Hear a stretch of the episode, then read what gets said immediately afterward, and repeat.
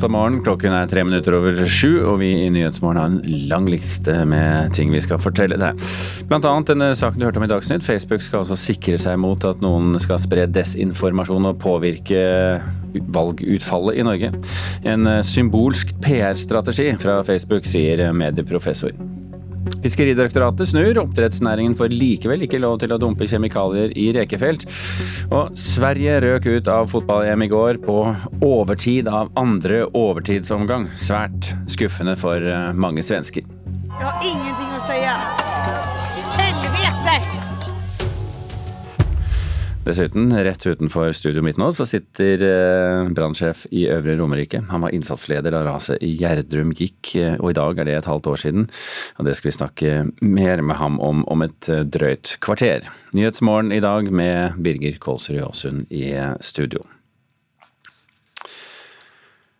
Facebook eh, skal altså merke politiske reklamer som betalt innhold, og registrere alle som vil kjøpe annonser frem mot stortingsvalget til høsten. Og dette gjør de da altså for å sikre at ingen skal kunne spre desinformasjon eller påvirke valgutfallet i Norge. Og Norgessjefen for Facebook, Rune Paulseth, sier at de stiller flere krav til politiske annonsører. De skal registreres, de skal autentiseres og sende inn identifikasjonsdokumenter. Det sier norgessjefen i Facebook, Rune Paulseth. Nå skal Facebook merke all politisk reklame som er kjøpt gjennom plattformen frem mot stortingsvalget til høsten. Vi skal også påse at dette blir merket på en sånn måte at uh, brukerne der ute skjønner hvem som er avsender, og at det er betalt informasjon. Under det amerikanske valget i 2016 ble Facebook brukt til å spre desinformasjon og påvirke valgutfallet av eksterne krefter. Da det ble kjent, måtte grunnleggeren av Facebook, Mark Zuckerberg, beklage for plattformens innblanding. Norgessjefen sier at de tar ansvaret for å forhindre desinformasjon på største alvor, spesielt under et stortingsvalg. Vi eh, jobber proaktivt med å ta det på ytterste alvor, hvordan vi kan legge til rette for at, eh, at plattformen er sikker, og, og, at informasjonen som ligger der også er eh, etterrettelig og troverdig. Ifølge Paulseth har Facebook lært mye av valget i 2016, og har nå bedre rutiner for å forhindre spredning av falske nyheter. Vi lærte jo en del under USA-valget i 2016, som vi også så nå i det siste valget i USA, hvor, hvor plattformen faktisk har Eh, blitt brukt på en mye mer eh, positiv måte, hvor vi har eh, klart å slå ned og fjernet masse falske kontoer. Vi har ikke opplevd noe påvirkning fra utlandet på det valget. Så vi har jo da endret oss ganske radikalt siden egentlig valget i USA i 2016. Medievite Gunn Endelig mener dette først og fremst er en symbolsk handling for å redde eget skinn. Denne kampanjen bærer da preg av å være en en reparasjonskampanje etter en ganske omfattende skandale i 2016. Enli kaller det en PR-strategi. Altså, Facebook gjør eh, ingenting som ikke er bra for Facebook. Og vi må huske på at dette er en egenregulering, en selvregulering som Facebook gjør frivillig. Selv om det er press utenfra, så er dette et eh, legitimerings- og PR-framstøt eh, som skal møte kritikken.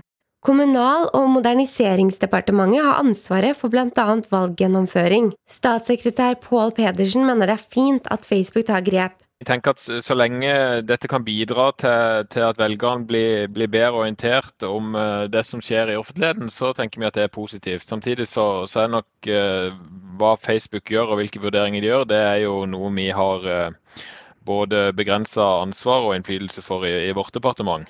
Pedersen kaller valgpåvirkning et globalt fenomen. Eh, vi ser jo at dette internasjonalt er en større og større utfordring. så det er klart at Dette er noe vi har jobbet mye med, eh, og som vi som sagt har, eh, har utarbeidet en del tiltak som skal sikre at vi unngår tilsvarende i Norge. Reporter her, det var Aida Korami. Oppdrettsnæringen får likevel ikke lov til å dumpe kjemikalier i rekefelt. Du husker kanskje at NRK eh, i forrige uke fortalte at Fiskeridirektoratet ville åpne for en sånn praksis, men nå snur de og vil opprettholde en 500 meters grense fra rekefelt. Vi ringte rekefisker Tor Inge Larsen for å fortelle nyheten eh, akkurat idet England skåret 2-0 mot uh, Tyskland i fotball-EM i går kveld, så det var dobbel glede. Kanskje litt ubeleilig ringte NRK Tor Inge Larsen idet han så dette på TV-en. Og der sitter han! Harry Kane har åpnet målkontoen og doblet ledelsen til England! Ja, ja, ja nå, nå, vet du at han vinner, det er 2-0. 2-0 til England! Men vi hadde en annen god nyhet til englandstilhengeren og rekefiskeren. Nemlig at fiskerimyndighetene snur og opprettholder forbudet mot dumping av kjemikalier i rekefelt. Vi fikk nå faktisk til noe, og det var helt utrolig at de gikk tilbake på det. For det er egentlig en liten seier, da. Mener jeg. da. I forrige uke fortalte NRK at Fiskeridirektoratet ville fjerne regelen om at oppdretterne må holde seg minst 500 meter unna når de slipper ut avlusningsmidler i fjorden.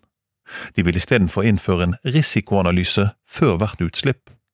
Men i går snudde direktoratet. Vi legger alltid vekt på at når forskningsinstitusjoner uttaler seg og gir sin forskningsmessige anbefaling til oss, så er det noe vi skal lytte til. Det er viktige innspill. Sier fiskeridirektør Per Sandberg. Advarsler fra forskere og Norges Fiskarlag i høringsrunden fikk fiskerimyndighetene til å snu. Disse absolutte avstandskravene kan hjelpe til med å redusere negativ miljøpåvirkning. Og det er jo det vi da legger vekt på, altså. Jeg blir selvfølgelig veldig glad for det og syns at det er en klok beslutning. Sier Otto Gregussen, generalsekretær i Norges Fiskarlag. I tillegg så håper vi jo at når dette skal praktiseres, så vil fiskeoppdretterne likevel bruke sin egen risikovurdering i tillegg til disse 500-meterne, for å være sikker på at dette skaper minst mulig problemer for, for fiskeriene, for gytebestandene og for rekefeltene, ikke minst. Etter at vi hadde denne saken på radioen og på nett i forrige uke, så har folk reagert på at det faktisk dumpes kjemikalier i sjøen i det hele tatt, at det er lov i norske fjorder. Hva tenker du om det? Ja, Vi forholder oss til det, det regelverket vi nå har. Og nå har vi tatt en del i det regelverket og hørt om vi skulle gjøre noen endringer. Vi har fått tilbakemeldinger på det, og så har vi gjort våre tilpasninger. Så vi beholder altså forbudet mot å dumpe disse kjemikaliene nærmere enn visse avstandskrav til, til gyte- og rekefelt. Reporter her det var Ole Reinert Omvik, og det ble altså 2-0 til England over Tyskland. Første gang på siden 1966, tror jeg, at England slo Tyskland i et EM.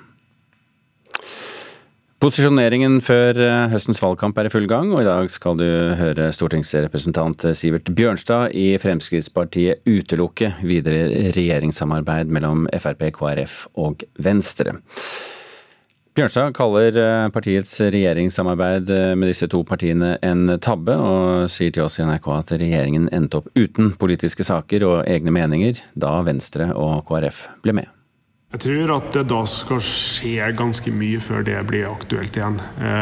Vi går jo til valg nå på en, igjen en Høyre-Frp-regjering som vi hadde etter valget i 2013. Det sier Sivert Bjørnstad, stortingsrepresentant i Frp, til NRK. Bjørnstad mente det var et vellykket samarbeid mellom Høyre og Frp i Erna Solbergs første regjeringsperiode, men at situasjonen ble en annen da Venstre og KrF ble en del av regjeringen etter stortingsvalget i 2017. Han mener det var en tabbe å inngå regjeringssamarbeidet. Sett i ettertid så mener jeg at det, det burde vi ha unngått. Det var en tabbe. Idet KrF og Venstre kom inn, så ble det mer og mer en administrasjonsregjering som ikke hadde egne politiske saker, ikke satt dagsorden, ikke gjorde de populære grepene lenger. Og da mista også vi, vi piffen. Stortingsrepresentant i Venstre, Ola Elvestuen satt som klima- og miljøminister i Erna Solbergs regjering fra 2018 til 2020. Han er ikke like kritisk til regjeringssamarbeidet som Bjørnstad. At det er politiske uenigheter, er det jo mellom fire partier som samarbeider. Elvestuen mener Venstre fikk gjennomslag både før og etter at Frp forlot regjeringen. Samtidig ønsker han primært en borgerlig regjering uten Frp. Vi sitter nå i den regjeringen vi ønsker, en blå-grønn regjering med Høyre, Kristelig Folkeparti og Venstre. Det ønsker vi også å fortsette med. Elvestuen får støtte av stortingsrepresentant i KrF, Jorunn Elisabeth Losius. Hun ser også for seg en regjering uten Frp. KrF er godt fornøyd med å sitte i regjering med Høyre og Venstre, og det er det vi går til valg på. Jeg tolker FrPs kommentarer som at KrF har lyktes veldig godt med å dra denne regjeringas politikk mot sentrum. Dermed virker et videre regjeringssamarbeid mellom KrF, Venstre og Frp urealistisk. Også Bjørnstad er pessimist. Nei, jeg tror, jeg tror, det er vanskelig å se for seg, i alle fall nå. Eh, sannsynligvis også fem og ti år frem i, frem i tid. Reporter her, det var Eirik Hegdal eh, Evensen. og Mer om dette her og mer med Sivert Bjørnstad får du i Politisk eh, sommerkvarter, som er kvart på åtte i dag. I dag laget av Anne Cecilie Remmen. Ja, Svenske supportere hadde jo store forventninger, selvsagt, eh, til deres landslag, og at de skulle gå videre til kvartfinalen eh, da Sverige møtte Ukraina i fotball-EM i går. Denne kampen den gikk i Glasgow med noen tusen tilskuere på tribunene. Men også på Kontraskjæret i Oslo hadde det samlet seg mange svensker og noen ukrainere for å følge kampen. Høg stemning, svensk musikk, gult og blått over kontraskjæret i Oslo, før Sverige og Ukraina viste seg på storskjermen i går kveld. Men ikke bare svensker. Også unge ukrainske jenter hadde samla seg, også de med gule og blå flagg. Jeg håper det er bra. Og så Vi skal støtte Ukraina, selvfølgelig. Det er hjemmelandet vår. Men eh, ja, vi er så veldig spent og ønsker alle god og spennende kamp. Det er klart vi kommer vinne. Det är klart vi kommer vinna. Självklart! Vi vet att vi kommer vinna.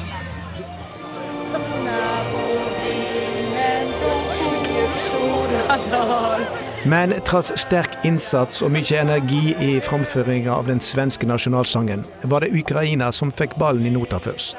Like før pause var det likevel klart for svensk jubel också.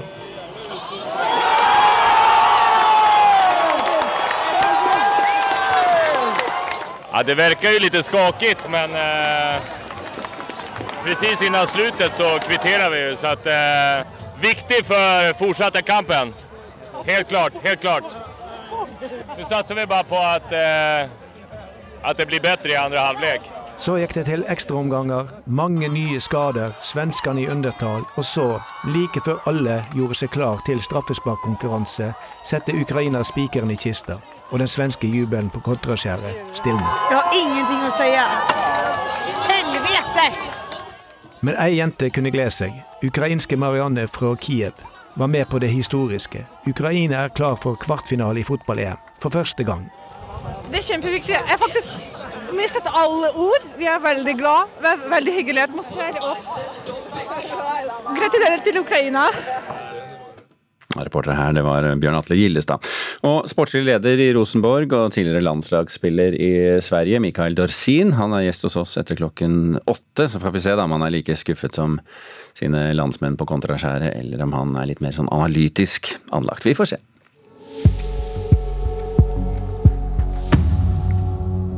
Klokken er eh, passert 16 minutter over sju. Du hører på Nyhetsmorgen.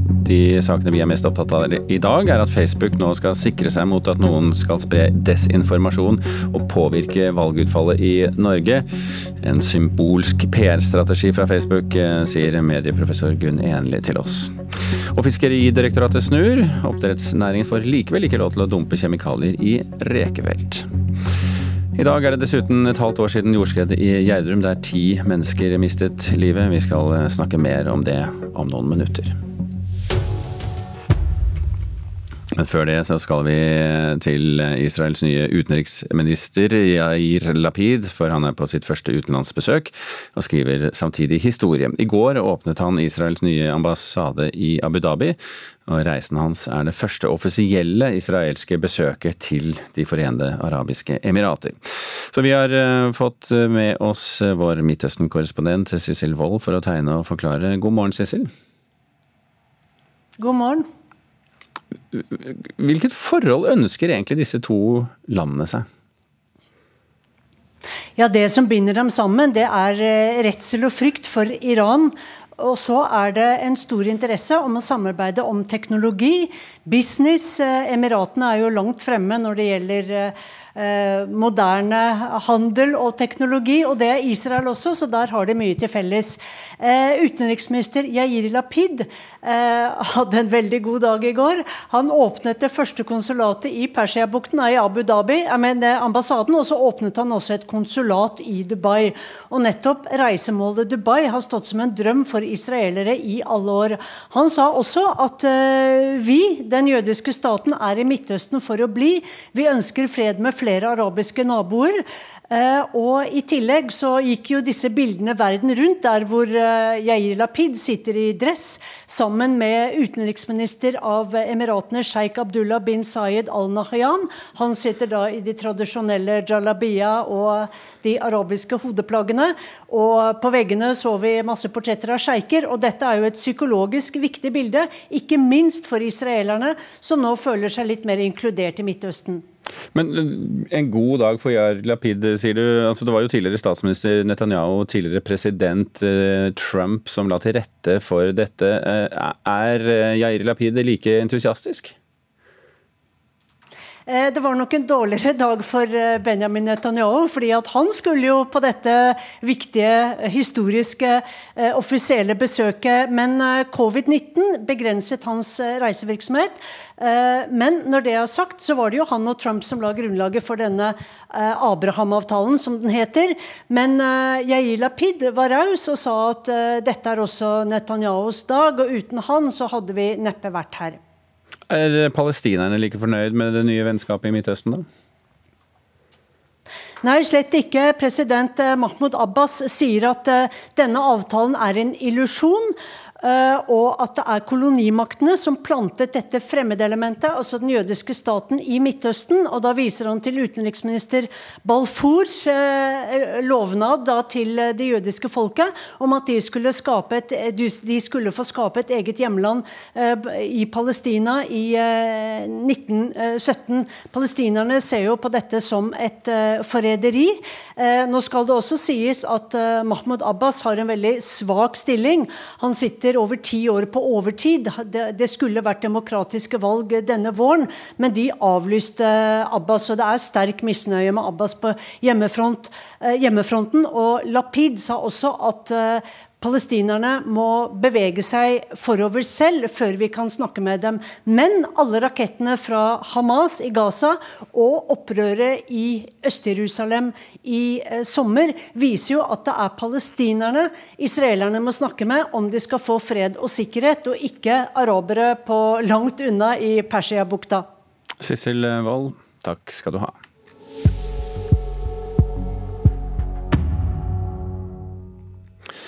I dag er det et halvt år siden jordskredet i Gjerdrum der ti mennesker mistet livet. Over 1600 eh, mennesker ble berørt av eh, dette skredet på en eller annen måte.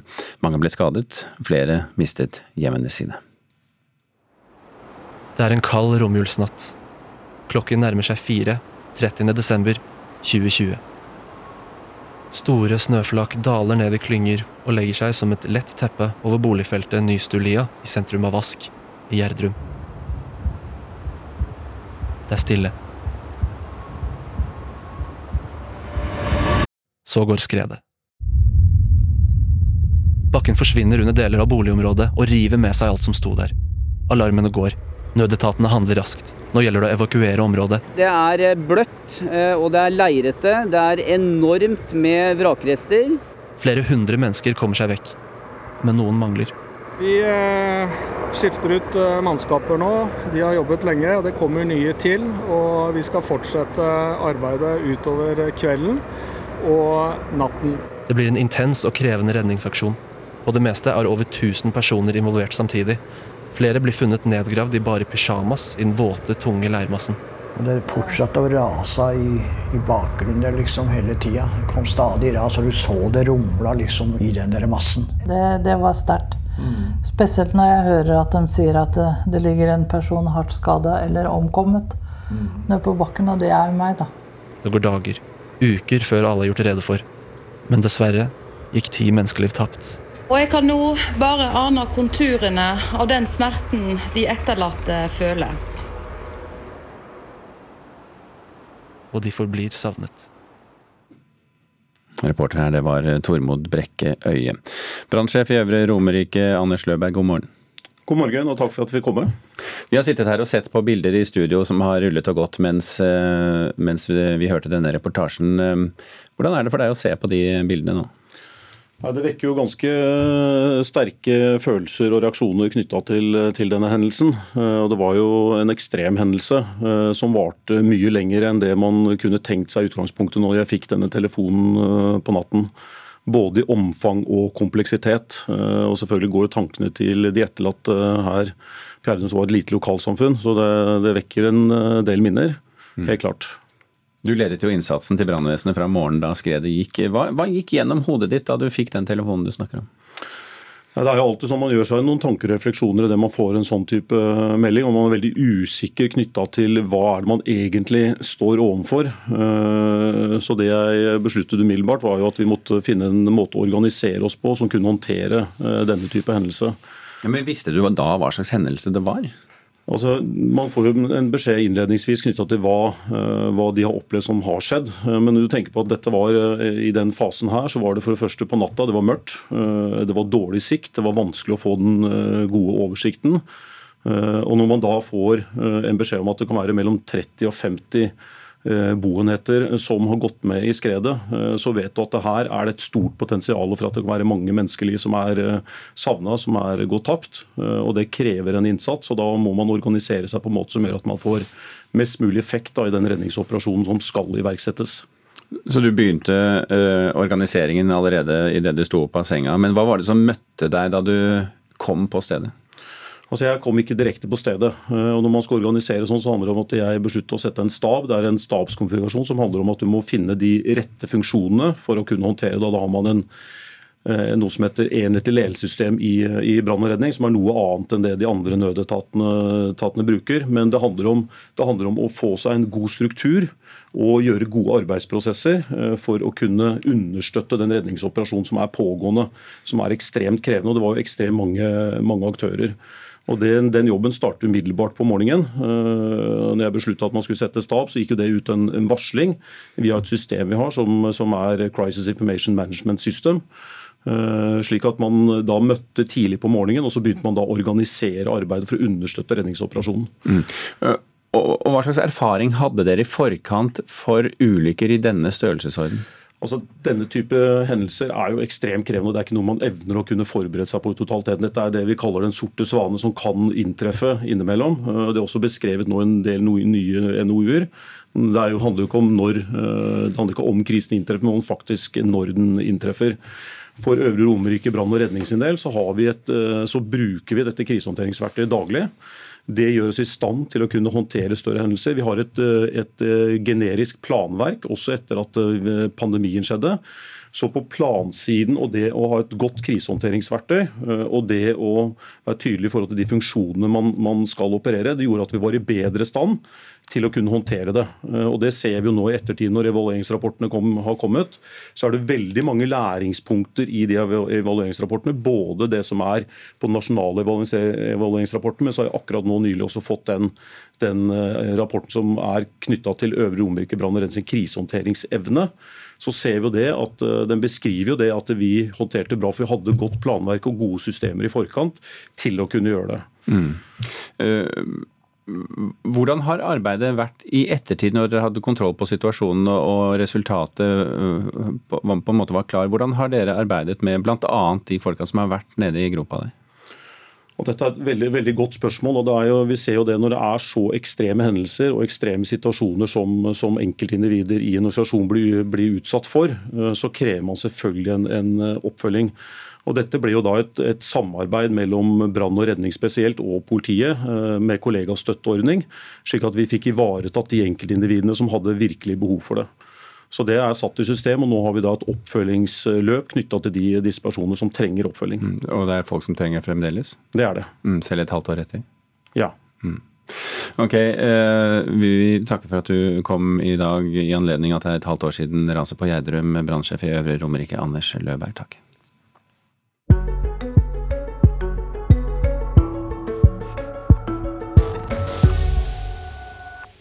Pengene sitter løst blant nordmenn på ferie i eget land. Så langt i sommer så har turister på Sørlandet brukt bankkortet nesten dobbelt så mye som på samme tid i fjor. Nei, Jeg syns jo det er bare vakkert her med alle disse små hvite husene. Men Kristiansand overrasket veldig. Turistene har inntatt Sørlandet. Ekteparet Hilde og Jan Gustavsen er blant de som har tatt storfamilien med til Kristiansand. Det er jo blitt fint vær og ålreit temperaturer, og så er vi her for barnebarna på mange måter. Vi har vært innom Dyreparken først, to dager. Og så er jeg nå nede i Kristiansand og så koser oss rundt her. Det er fortsatt relativt tidlig på sommeren, men allerede nå står turistene for 40% av pengene som brukes på Sørlandet. Det sier Ine Oftedal, som er direktør for datatransformasjon i DNB. Hvis vi sammenligner med annerledesåret 2020, hvor det var veldig god driv over eh, hele linja, så har vi allikevel steget med 70% på eh, Sørlandet. Så det er jo kjempetall for regionen. Forrige helg var det 85% belegg på hotellene i Sørlandets hovedstad. Og lederen av Handelsforeningen i sentrum, Heidi Sørvig, ønsker turister med lommene fulle av penger hjertelig velkommen. Det er mange av våre medlemmer som har en ganske skrapt kistebunn etter eh, flere nedstengninger og begrensninger denne vinteren. Så det har vært eh, knalltøft. Og jeg tenker det, i år skal du i hvert fall ikke kjenne på noe annet enn at du er med og støtter næringslivet når du bruker feriepengene dine. Og turistene er klare for å bruke penger. Definitivt. Absolutt. Og, og, og, det vil vi gjerne, for nå har vi spart opp i et helt år. Så nå sitter pengene relativt løst. Det var Jan Gustavsen fra Oslo du hørte der til slutt. Og reporter her, det var Mathias Hamre. Klokken er straks eh, halv åtte. Det betyr eh, Dagsnytt snart. Sommer i P2. Hvordan forvandler jeg en slapp 17-åring til en kvikk kokk? Den oppskriften har jeg tenkt å dele med deg i mitt Sommer i P2. Jeg er kokken René Fagerhøy, og med stramme rammer og en stor porsjon tålmodighet driller jeg lærlinger i alt fra brun saus til streng etikette. Sommer i P2. I dag klokka ni.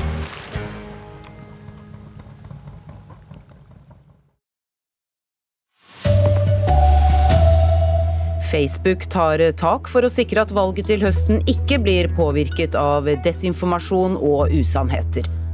Oppdrettere får likevel ikke lov til å dumpe kjemikalier i rekefelt. Og jubelen stilnet blant de svenske supporterne da Sverige tapte EM-kampen mot Ukraina. Jeg har ingenting å si. Helvete! Her er NRK Dagsnytt, klokka er 7.30. Facebook skal nå merke all politisk reklame som betalt innhold, og dessuten registrere alle som vil kjøpe annonser fram mot stortingsvalget til høsten. Selskapet sier det gjør dette for å hindre spredning av desinformasjon og påvirkning av valgutfallet i Norge. Norgessjefen for Facebook Rune Paulseth sier det vil bli stilt flere krav til politiske annonsører. De skal registreres, de skal autentiseres og sende inn identifikasjonsdokumenter. Nå skal Facebook merke all politisk reklame som er kjøpt gjennom plattformen frem mot stortingsvalget til høsten. Vi skal også påse at dette blir merket på en sånn måte at uh, brukerne der ute skjønner hvem som er avsender, og at det er betalt informasjon. Under det amerikanske valget i 2016 ble Facebook brukt til å spre desinformasjon og påvirke valgutfallet av eksterne krefter. Da det ble kjent, måtte grunnleggeren av Facebook, Mark Zuckerberg, beklage for plattformens innblanding. Norgessjefen sier at de tar ansvaret for å forhindre desinformasjon på største alvor, spesielt under et stortingsvalg. Vi eh, jobber proaktivt med å ta det på ytterste alvor, hvordan vi kan legge til rette for at eh, plattformen er sikker, og at informasjonen som ligger der også er eh, etterrettelig og troverdig. Ifølge Paulseth har Facebook lært mye av valget i 2016. Vi har klart å slå ned og fjernet masse falske kontoer. Medievite Gunn Endelig mener dette først og fremst er en symbolsk handling for å redde eget skinn. Facebook gjør eh, ingenting som ikke er bra for Facebook, og vi må huske på at dette er en egenregulering, en selvregulering som Facebook gjør frivillig. Kommunal- og moderniseringsdepartementet har ansvaret for bl.a. valggjennomføring. Statssekretær Pål Pedersen mener det er fint at Facebook tar grep. Han sier at valgpåvirkning er et problem i mange land. Eh, vi ser jo at dette internasjonalt er en større og større utfordring. så det er klart at Dette er noe vi har jobbet mye med, eh, og som vi som sagt har, eh, har utarbeidet en del tiltak som skal sikre at vi unngår tilsvarende i Norge. Reporter var Aida Korami. Martin Gundersen, du er teknologijournalist og har skrevet mye om Facebook og valgpåvirkning. Hvor stort er problemet med forsøk på valgpåvirkning i Norge? Heldigvis i Norge har det vært veldig lite, eh, men det gjør det òg mer skummelt. For Hvis det først skulle være et eh, målretta forsøk på å påvirke et norsk valg, så er veldig få av aktørene i det norske samfunnet forberedt på det. Så Man har sett det siste året at eh, flere ledende politikere og flere institusjoner som departementet har vært opptatt av å spre informasjon om hva gjør vi hvis det skulle være et forsøk. Eh, er vi forberedt og klare for det? Det er snakk om Facebook her, eh, men gjelder det andre sosiale medier også, hvor påvirkning kan være utbredt? Ja, det gjelder alle sosiale medier og mediene som store aktører som NRK og TV 2. At vi kan spre f.eks. hakka materiale som kan påvirke den politiske prosessen, og det kan vise seg at informasjonen er feil i ettertid. Men hvem kan tenkes eh, å ha interesse av å påvirke stortingsvalget til høsten? Ja, Det pekes i ulike retninger. En av de man gjerne ser til, er jo vårt naboland Russland, eh, som tidligere har eh, forsøkt seg mot USA i 2016.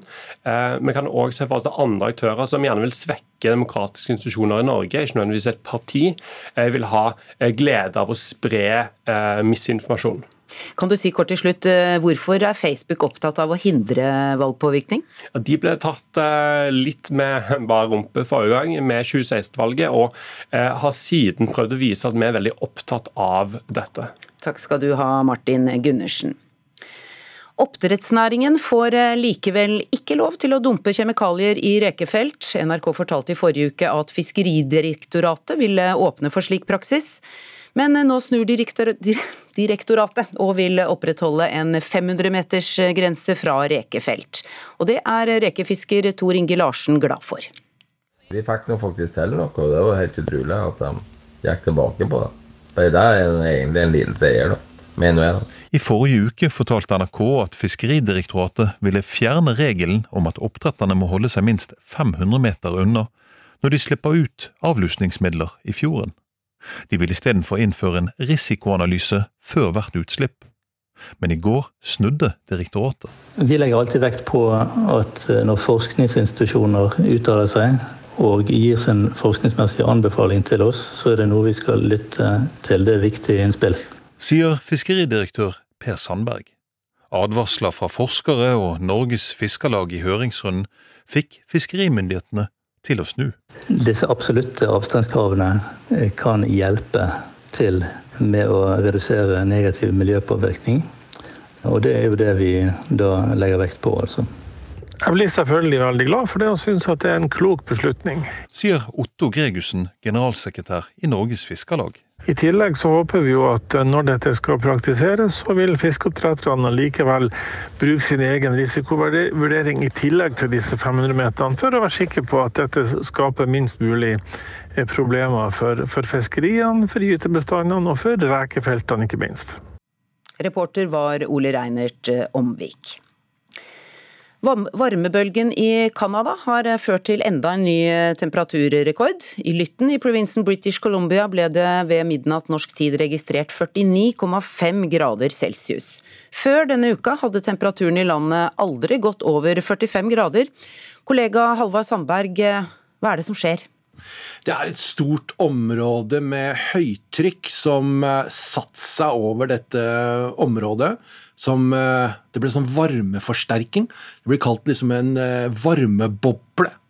Eh, hvor mange faktorer arbeidet sammen for å bare drive temperaturen høyere og høyere opp. Hva, hvordan takler folk denne varmen? Altså, store utfordringa er at dette er i et område hvor det ikke er vanlig med aircondition, altså luftavkjøling innendørs i de private hjemmene. Så myndighetene har satt opp sånn kjølesentre, bedrifter som har lagre som er nedkjølt, sier 'kom hit, her kan dere avkjøle dere'. Og det kommer masse råd om å f.eks. ikke ha på TV-en din om natta. Den lille ekstra varmen som TV-en på standby fører til, det kan øke temperaturen din hjemme. Masse triks, og også helle mye vann over hodet. Hvordan, eh, hva kan de belage seg på nå framover? Nye rekorder? Heldigvis ikke. Eh, jeg får inn rapporter nå fra British Columbia som er sånn ti minutter eh, gammel, og sier at nå, nå, kjenner jeg en kald bris som kommer mot ansiktet mitt. Nå har jeg overlevd the heat dome, som det kalles, altså den varmeboblen for dette året. Takk skal du ha, Halvard Sandberg. Svenske fotballsupportere hadde håp om at spillerne deres i går kveld skulle slå Ukraina og gå videre til kvartfinale i Europamesterskapet.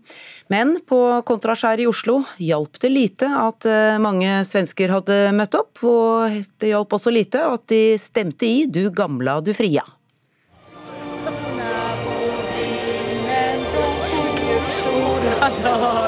Tross sterk innsats og mye energi i framføringa av den svenske nasjonalsangen, var det Ukraina som fikk ballen i nota først.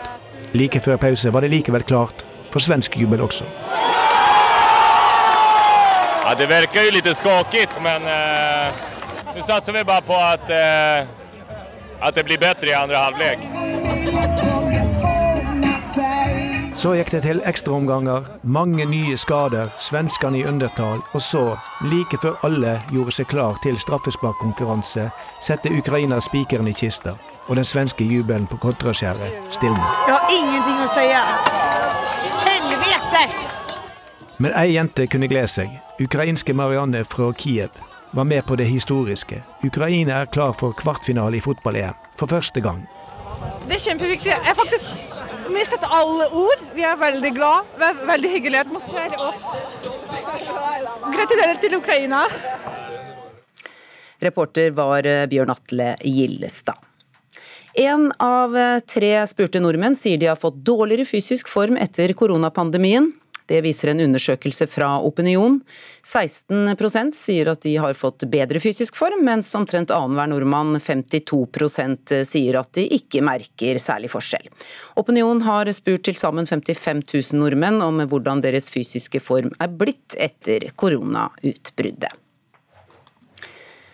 Ansvarlig for uh, nyhetene denne morgenen er Elin Pettersen. Jeg heter uh, Kari Ørstavik. Nå blir det distriktssendinger på P1, og i P2 fortsetter Nyhetsmorgen, snart med Politisk kvarter.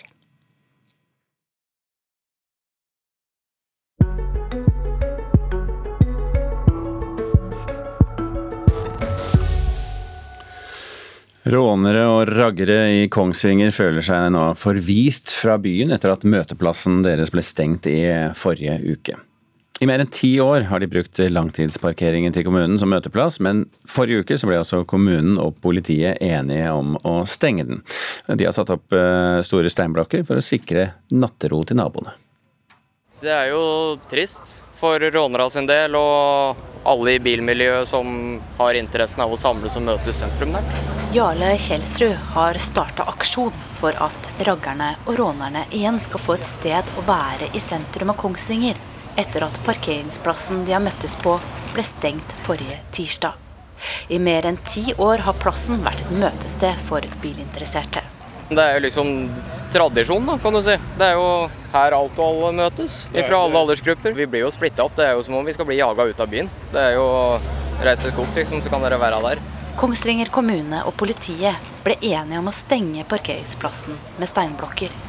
Det for å sikre nattro for dem som bor i området rundt parkeringsplassen. Nå har det over mange år vært eh, veldig mye støy knytta til den parkeringsplassen. Og vi har fått veldig mye klager fra nabolaget rundt. Vi har prøvd ulike tiltak, men vi ser at det har ingen effekt. Vi så den som nødvendig nå å sette inn litt sterkere tiltak enn det vi har gjort tidligere, for å kunne komme i en dialog og finne en god løsning. Det sier Margrethe Haarr, som er Senterpartiordfører i Kongsvinger. Motorinteressen er stor i området rundt Glomma i grensetraktene mot Sverige. Her møtes folk i ulike aldre med ulik bilinteresse. Men for naboene er dette blitt en støyplage. Særlig pga. musikkanleggene. Svært eh, slitsomt tidvis. Det er høy musikk, dunking i, i veggene. Vitrineskaper rister. Du kjenner det i brystkassa at eh, bassen den, den slår mot deg. Dagfinn Sve er leder for sameieforeningen Klonteig. Boligfeltet ligger et steinkast unna parkeringsplassen. At parkeringa var stengt i helga, merka naboene. Fantastisk eh, flott. Det var veldig stille og rolig. Og det var eh, folk her som hadde besøk av barn og barnebarn som reagerte på jøss, så stille det var her nå. Politiet bekrefter at de har fått mange klager fra naboene over mange år. Rånerne har forståelse for at naboene reagerer. Ja, det er jo ikke noe vanskelig å skjønne da at folk reagerer på de som kommer klokka fire om natta og har musikken på bakspolen. Men da ville jeg heller plukka ut enkeltindividene i stedet for å ta alle under én kam. Raggerne og rånerne snakker med kommunen om en ny plass. Bilfolka ønsker seg et møtested i sentrum. Det er jo her det er lettest, da, hvor vi er rett ved riksveien. Vi ser hvem som kommer til og fra byen, hvem som er her. Det er nattåpent, det er lett for å få seg mat, drikke. Saken har skapt stort engasjement og høy temperatur i sosiale medier. Noen mener at raggerne kan dra til skogs, mens andre mener at naboene kan pakke og dra dit. Ordføreren har likevel ikke gitt opp håpet om å finne et sted som passer i løpet av kort tid. Så jeg tenker at Det er nok utfordrende å finne en løsning som alle er 100% fornøyd med. Men her må vi alle sammen være med å gi og ta litt, og da har jeg tro på at vi kan klare å finne en plass for alle. I mangel på en møteplass og for å markere det vil raggerne og rånerne lørdag kveld samle seg bak rådhuset i byen. Og bilinteresserte fra flere steder i landet har sagt at de kommer, sier Kjelsrud. Han understreker at dette ikke er en aksjon der det skal kastes verken flasker eller råtne egg på kommunehuset. Vi er ikke ute etter å få noe flere klager, det er vi ikke. Vi er bare viser hvor sammensveisa bilmiljøet egentlig er. Det var Jarle Kjelsrud som for anledningen er talsperson for raggerne og rånerne i Kongsvinger. Reporter det var Ann-Kristin Mo. Nå er klokken straks kvart på åtte. Her i Nyhetsmorgen betyr det at vi får Politisk kvarter. La meg bare minne alle som nettopp har skrudd på radioen om hva som er våre viktigste saker i dag.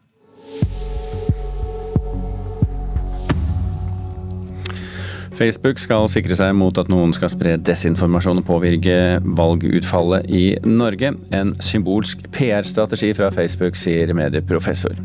Fiskeridirektoratet snur. Oppdrettsnæringen får likevel ikke lov til å dumpe kjemikalier i rekefelt. Og i dag er det et halvt år siden jordskredet i Gjerdrum der ti mennesker mistet livet. Flere av redningsmannskapene som jobbet med skredet får fremdeles oppfølging, sa brannsjefen på Øvre Romerike til oss i dag. Nå er det altså Politisk eh, sommerkvarter, og i dag er det ved kollega Anne Cecilie Remmen.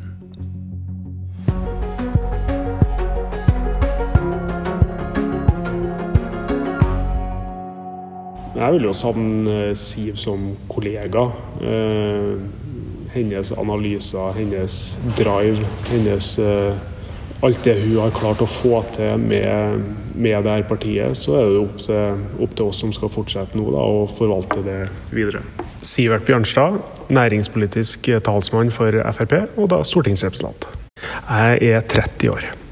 Og når du begynte her, så var du den yngste? Da var jeg den yngste. Da var jeg, jeg ble valgt inn like før jeg ble 23 år. Stortinget ble arbeidsplassen hans etter valget i 2013 hvor Erna Solberg dannet regjering sammen med Siv Jensen og Frp.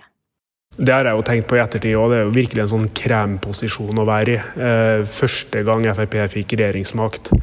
Eh, vært eh, i opposisjon i 40 år, og så får man mulighet til å påvirke politikken. Og det å, å, å seile inn og få muligheten til å delta på det, er jo selvfølgelig kjempeartig. Tidligere så hadde jeg jo bare sittet i opposisjon i bystyre og fylkesting. og det er noe annet å komme hit og være med og, og påvirke.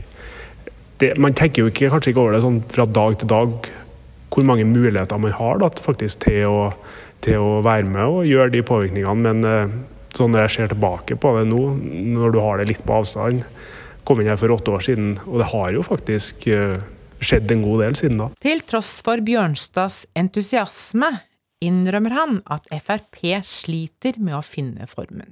Det tar jo selvfølgelig tid å bygge seg opp som uh, opposisjonsparti etter uh, Vi er jo sterkt knytta til, til, det regjeringsprosjektet vi var en del av i nesten sju år. Men hva tenker du egentlig da i dag om at Frp gikk ut av regjering? Har uh, det vært til beste for partiet? Det, det, er jo vanskelig å svare på. og Etterpåklokskap er på en måte den mest eksakte vitenskapen, men det blir aldri helt riktig å bruke det. Det, det som det som var problemet, var at det bygde seg opp eh, over tid en misnøye både internt og eksternt blant eh, velgerne våre over ei flertallsregjering som var grå, kjedelig, ikke hadde mye politiske ambisjoner. Og Det var jo det som var så artig med Høyre-Frp-regjeringa fra 2013 og til etter valget i 2017, var jo at da var det nye ideer, nye initiativer hver eneste dag. Men idet KrF og Venstre kom inn, så ble det mer og mer en administrasjonsregjering som ikke hadde egne politiske saker, ikke satt dagsorden, ikke gjorde de populære grepene lenger. Og da mista også vi, eh, vi piffen.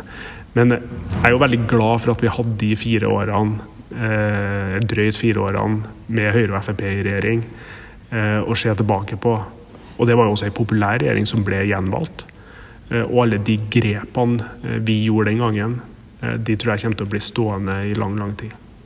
Så du mener det ikke var et sjakktrekk å invitere de andre to partiene med i regjering? Nei, sett i ettertid så mener jeg at det, det burde vi ha unngått. Det var en tabbe. Dragkamper skjer internt. At man alltid legger fram kompromisset for Stortinget eller uh, ute i, ut i, åpent landskap, det er ikke, det er ikke positivt verken for oss eller for Venstre og KrF. Da regjeringssamarbeidet sprakk i 2020, ble stemningen litt annerledes hjemme hos Sivert Bjørnstad. Han er sammen med Høyres Mari Holm Lønseth. Også hun er stortingsrepresentant. Tidligere så kunne vi snakke litt mer åpent med hverandre om problemstillinger internt mellom regjeringspartiene, da vi begge eh, hadde partier som satt i regjering. Eh, nå er det jo litt mer partitaktikk og eh, ulike hensyn som avveier, som gjør at man ikke kan ha en like, like åpen dialog om, om de partiinterne eh, sakene som før. Krangler dere om politikk av og til? Nei, i veldig liten grad. Eh, det er i så fall hvis det er sent på byen og man er på vei hjem, så er det kanskje kommer det en kommentar om et eller annet tåpelig regjeringa har gjort, eller en sjelden gang noe, noe dumt som kommer fra Frp. Hvorfor eh, taper dere såpass mange velgere, bl.a. i Senterpartiet? Jeg tror det har vært fordi vi har vært for dårlige til å, til å avkle eh, Senterpartiet når de har prøvd å ikle seg våre klær. De jo, snakker jo egentlig som Frp-ere i ord og retorikk, men følger jo ikke opp i handling. Eh, nå har vi nettopp diskutert Nasjonal transportplan her i Stortinget. Og da legger jo Senterpartiet seg på en linje med, som er helt lik regjeringa sin linje. Når vi snakker om skatter og avgifter, så er jo Senterpartiet et uh, parti som, uh, som skal øke skattene og ikke kutte i avgiftene. På grensehandelsvarer f.eks. Vi har rett og slett vært for dårlige på å avsløre dem når de, uh, når de sier én ting, men gjør noe annet. Men eh, er det da lurt, etter ditt syn, at eh, Sylvi Listhaug frir til Senterpartiet?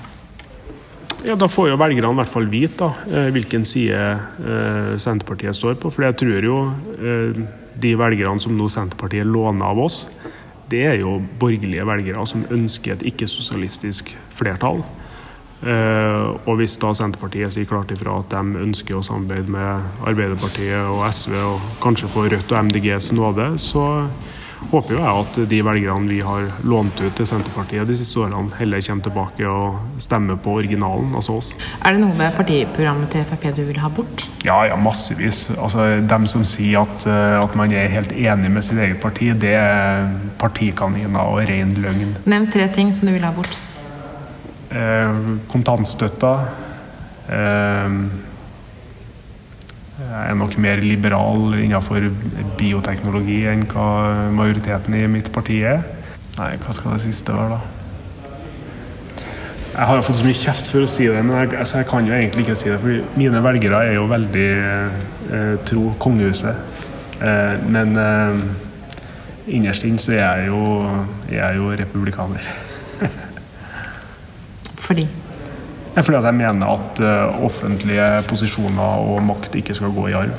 Jeg mener at, uh, at et folkestyre, uh, som jo Norge er, selv om det er et konstitusjonelt monarki i dag, har godt av å velge også de symbolske lederne. Hvem er din favorittpolitiker på den andre siden av den politiske streken? Det, det mange har respekt for på den andre sida. Men den jeg syns det er artigst å debattere mot i stortingssalen, det tror jeg er Martin Kolberg. Han sitter med utrolig mye historie, og er selvfølgelig en supergløgg fyr sjøl. Og klarer å komme med sånn passe mengdespark til oss unge borgerlige politikere som sikkert er litt kjepphøy av og til. Jeg er jo selvfølgelig uenig med Martin Kolberg i veldig mye, men som person så har jeg stor respekt for han, den han er og det han har gjort. Ja, fordi han har vært en del av, av, en, av en, bevegelse i, i, 50, i, hvert fall 50 år. Og det er jo ikke noe tvil om at arbeiderbevegelsen i Norge har vært den ledende kraften i utviklinga av, av, Norge. Det er dem som har hatt regjeringsmakt desidert lengst. Og han har jo sittet i de rommene hvor de ledende politikerne var. Alt fra Tranmæl til Håkon Lie og, og Gerhardsen og den gjengen der. Og det er utrolig mye eh, historie og Så sånn sett vil jo ikke Stortinget lenger avspeile samfunnet, da? Når man, aldersmessig, når man ikke har flere eldre? Ja, det er riktig. Nå tror ikke jeg nødvendigvis er sånn at fordi jeg er 30 år, så, så representerer jeg bare 30-åringene. Jeg representerer jo alle i mitt, mitt valgdistrikt. Men det er nok en fare for at de eldre i samfunnet de eldre velgerne føler at de er uten representasjon på, på Stortinget. og det, det, er jeg litt bekymra for, at det kan føre til en avstand mellom Ofte altså Tidligere tider så har det vært avstand mellom de unge og politikere. Men eh, hvis det forskyver seg til de eldre og politikerne, så er jo ikke det noe bedre. det. Hva har vært det beste for deg under koronaepidemien? Jeg, jeg, jeg tror det beste har vært at det er veldig mye mer struktur på ting når man ikke bor i en koffert og er på reiser stort sett hver uke en eller annen plass i Norge. Fordelen er jo at det er mindre stress med reising. Man spiser jevnlig, man får tid til å trene. Den type ting. Så det har blitt litt mer sånn struktur i livet. da. Jeg er både litt brunere og litt uh, sprekere og litt sunnere fordi man faktisk kan lage seg middag sjøl på eget kjøkken. Det, det er faktisk en luksus, det. Og han lister opp det han mener er FrPs største seire. Nei, altså Det å ha redusert skatter og avgifter med 30 milliarder kroner for både folk flest og, og næringsliv, det henger høyt. Vi dobla samferdselsbudsjettet på ganske få år. Gikk fra ord til handling på det å faktisk bygge veier og bygge infrastruktur som kobler folk tettere sammen og gjør bo- og arbeidsregionene mer effektive. Alle de her sånn små tingene egentlig, men som betyr veldig mye for, for folk, det er jeg veldig stolt over at vi klarte å gjøre. Hvordan skal Frp øke oppslutning blant velgerne igjen? Nei, det første, For det første så må jo pandemien gi seg, sånn at vi får lov til å diskutere politikk igjen. Fordi Min oppfatning er i hvert fall at de politiske sakene drukner under alt som har med korona å gjøre. Fordi dere i media da er stort sett opptatt av det som foregår rundt pandemihåndteringa, koronaen, vaksinering, alt det som skjer rundt. Så jeg, tror det viktigste for oss er å få satt politiske saker på dagsordenen, så at vi kan diskutere politikk igjen. Og Forhåpentligvis så vil jo pandemien være på hell under valgkampen, så at vi kan diskutere ordentlig politikk og hvilke løsninger som er best for oss som, som samfunn i framtida. Kan Frp noen gang sitte i regjering med Venstre og KrF igjen? Jeg tror at det da skal skje ganske mye før det blir aktuelt igjen. Vi går jo til valg nå på en, igjen en Høyre-Frp-regjering som vi hadde etter valget i 2013. Nei, jeg tror, jeg tror, det er vanskelig å se for seg, i alle fall nå. Sannsynligvis også fem og ti år frem i, frem i tid. Men det er jo sånn i politikken, man skal aldri si aldri, men, men det ligger nok langt frem i tida. Vet du hva som kommer opp på Google når man googler Sivert Bjørnstad? Nei. Hva tror du? Sivert Bjørnstad politiker, kanskje? Sivert Bjørnstad og kjæreste? Ja. Og Sivert Bjørnstad og formue. Ja. For Bjørnstad er en av Stortingets aller rikeste. Jeg har på en måte ikke noe å, å verken skjule eller skamme meg over i, i så måte. Det er Faren min har vært en dyktig gründer og har starta en bedrift i, i, Trondheim som jeg har vært så heldig å sammen med fire søsken få lov til å, å overta eierskapet på. Som, som, sysselsetter 40 dyktige håndverkere i, i Trondheim. Så det, Vet du hvor mye du skatter av det? Jeg vet at jeg, jeg skatter, skatter omtrent en million i året. Litt mer enn jeg tjener på Stortinget. Er det bittert? Altså Jeg mener jo at det viser problemet eh, med noe av formuesskatten. Det er skummelt å sitte og, og, og syte for sin syke mor, men, eh, men problemet er at formuesskatten ikke tar hensyn til om man tjener penger eller ikke, og at de pengene er eller de verdiene er investert i, i arbeidsplasser hos, eh, hos folk. Da, sånn som det er i mitt tilfelle. Jeg har aldri hatt noe forhold til, til, det, til det, tallet som står på, på skattemeldinga mi. Det der er det er verdier som er i arbeid, og som skaper, skaper sysselsetting og, og, arbeidsplasser for folk i, i, Trondheim. Jeg har aldri hatt noe, noe forhold til de, til de, midlene. Familieformuen du har, da, hva har den gjort med deg? Hva har det gjort med deg som politiker? Jeg har jo sett verdien av å, av å jobbe eh, og arbeide hardt. Da jeg var ung, så var sommerjobbene var jo å, å feie gata og, og hogge. Eh, tre til, til, til skog, eller til ved. Eh, og bærer plank og materialer og, og gipsplater. Og, og, og, vi hadde jo selvfølgelig greit økonomisk, men, men jeg, tror er, jeg, tror det er, verdien av, av hardt arbeid som, og at eh, penger er egentlig ikke noe annet enn størknasvette. Syns du Jonas Gahr Støre har fått for mye tynn for sin formue? Ja, det syns jeg. Um, og Jonas Gahr Støre er jo jeg mener det, det, er feil at han har måttet gå til det skrittet og, ha pengene passivt på en konto, eh, i stedet for at de kunne vært investert i, i norske arbeidsplasser og norske virksomheter. og Det ville ha vært eh, Samfunnet som helhet ville hatt mye større nytte av at de pengene var i arbeid, enn at de står på en eh, død bankkonto. Hva er din favorittsommeraktivitet? Eh, min favorittsommeraktivitet er å dra på fjellet, på fjelltur, og enten gå hytte til hytte eh, hos turistforeninga, eller å dra på, på toppturer eh, rundt omkring i Norge. Nå i sommer skal jeg og kjæresten min på, til Jotunheimen og gå tre topper på tre dager. Det gleder jeg meg veldig til. Hvilke da? Da er det først Galdhøpiggen, og så er det Glittertind, og så er det Besseggen.